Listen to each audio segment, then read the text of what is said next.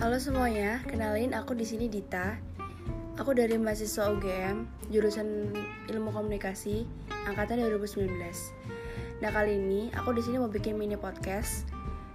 Uh, mini podcast tuh apa sih? Kayak sejenis kayak audio gitu. Tapi di sini aku mau, bukan membahas itu. Aku di sini bercerita tentang masalah uh, pendidikan, percintaan, dan segalanya. Jadi, tunggu terus podcast dari aku. Terima kasih.